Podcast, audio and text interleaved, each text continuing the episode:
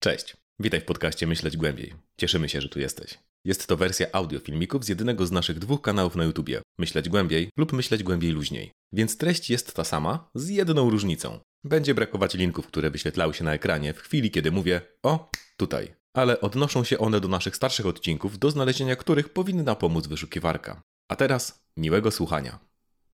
Mocna teza. Nie ma większych wrogów wolności niż Konfederacja i wszyscy tak zwani libertarianie. Tak, wiemy, rozdzielili się, ale przez przepychanki polityczne, a nie ideologię. I wiem, że czasem się mówi, że to przez ich głosowania w kwestii praw kobiet, LGBTQ, telewizji itp. Głosowania głosowaniami, ale jest gorzej. Znacznie gorzej.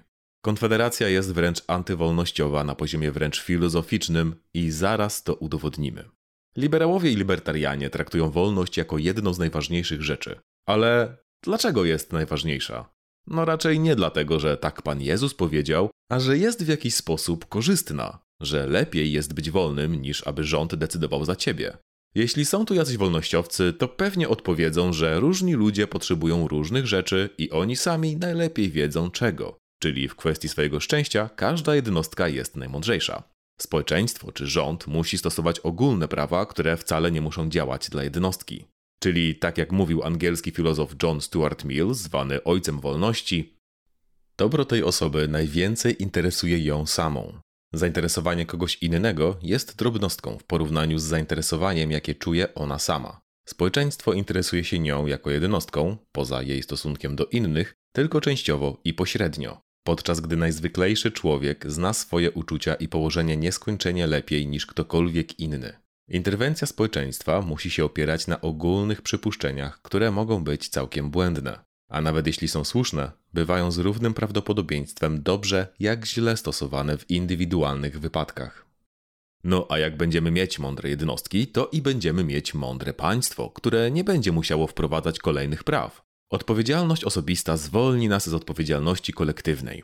Jeśli jest tu ktoś, kto tak myśli, to prosimy, weź napisz tam do tych swoich posłów i innych influencerów, żeby się ogarnęli, bo póki co to takiej wolności robią co najwyżej antyreklamę. Ostatnio grzeją, hehe, temat klimatu i nasze pytanie brzmi, gdzie zachęcają do termoizolacji mieszkań, bo dzięki temu będziemy mniej płacić za ogrzewanie?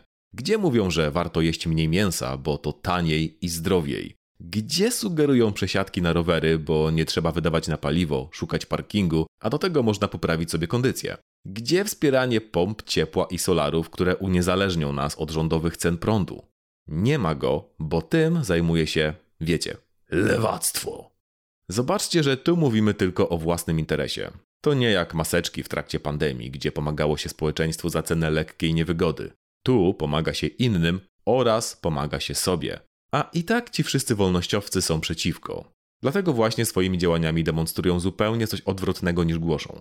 Że człowiek pozostawiony sam sobie będzie dokonywał najgorszych wyborów. I to nie tylko dla zdrowia publicznego czy klimatu, a nawet dla samego siebie. Że nie rozważy spokojnie plusów i minusów, tylko będzie płacił więcej, jadł gorzej, mniej się ruszał, nie będzie chciał się uniezależnić i będzie rozsiewał choroby. Dlaczego?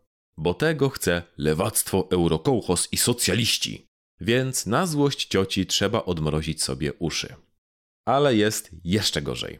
Wolnościowcy w ten sposób wręcz dają amunicję tym, którzy chcieliby maksymalnie ograniczyć wolność zwykłego człowieka, bo pokazują, że taki człowiek, sam z siebie, jest za głupi, aby zrobić coś dobrego. Że jeśli rząd go do czegoś zachęca, to będzie działał na przekór. I dlatego, mówią zamordyści, dogadywanie się z nimi nie ma sensu. Nie ma innej opcji, jak tylko złapać to bydło za mordę i po prostu je do czegoś zmusić pod groźbą surowej kary. Skoro jednostki są za głupie, aby samodzielnie działać nawet w swoim interesie, a co dopiero innych, to trzeba im zabrać wszystkie inne możliwości. To działa nie tylko na rządzących. Podobnie zniechęca to rozsądne osoby, które obserwują ten nurt polityczny z zewnątrz. Że ci rzekomi zwolennicy osobistej odpowiedzialności i wolności na fundamentalnym poziomie nie różnią się szczególnie od szurów w stylu włącz myślenie, wyłącz telewizor. Nie potrafią sami nic wymyślić ani żyć z konsekwencjami. Potrafią tylko głupio się opierać.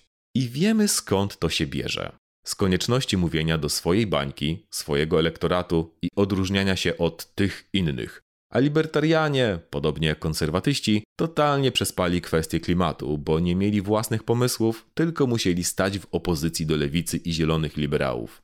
Negowanie kryzysu klimatycznego staje się już trudne, a nadal trzeba zdobywać głosy i jakoś się odróżnić od lewactwa. Więc teraz podburzają ludzi, aby nic nie zmieniali po dobroci, a zaraz potem podnoszą krzyk, że rząd tych ludzi do czegoś zmusza. Tyle, że tak, kochani i kochane i kochanu. Wolność to również odpowiedzialność, czyli konfrontowanie się z rzeczywistością, a ona nie dba o nasze uczucia. Fryderyk Nietzsche mówi o trzech etapach rozwoju człowieka: wielbłądzie, lwie i dziecku. Wielbłąd bierze na siebie wszystko jak leci i posłusznie znosi co tylko nakaże mu jego pan. Lew to jego przeciwieństwo. Buntuje się przeciwko nakazom i ryczy: Ja chcę! Wybiera wolność, ale nie umie z niej korzystać. Jedyne co zna to zasady swojego pana, więc jedyne co może to się im przeciwstawić. Więc w jakimś sensie jest tak samo niewolnikiem jak wielbłąd. Dopiero trzecia przemiana, dziecko, nie jest związana zasadami pana i może korzystać z wolności tak, aby tworzyć swoje życie. Nie w ślepym posłuszeństwie, nie w ślepym buncie, a w spokojnym postrzeganiu świata bez cudzych nakazów. I tego właśnie chcielibyśmy życzyć wszystkim wolnościowcom. Bo jasne, to podejście jest korzystne dla świata, ale przede wszystkim jest zwyczajnie fajne. Można myśleć krytycznie, zamiast szukać tego jednego badania sponsorowanego przez przemysł paliwowy czy mięsny. Można wgłębić się w temat, zamiast szukać hasełek, które od kilku lat są już obalane na naukaoklimacie.pl. Tak, to z komentarzy też będzie. Można jeść co się chce i próbować nowych smaków, taniej, zdrowiej i smaczniej. A przede wszystkim z tym spokojem, że nasza ideologia nie jest oparta na zaprzeczaniu, cóż, prawom fizyki i że prędzej czy później się posypie, a wtedy oni, ci źli, którym działamy na przekór, nas wyśmieją. A przynajmniej tak można na to patrzeć, aby myśleć trochę głębiej, luźniej. Hej kochani, to jeszcze ja z szybką przypominajką o lajkach i subskrybach. A w komentarzu dajcie nam znać, co myślicie o takim formacie szybkich odpowiedzi. W sumie, jakby nie patrzeć, od tego zaczął się nasz pierwszy kanał, jak wideo drugie i czwarte. Czekamy na opinię, a tymczasem trzymajcie się i do następnego.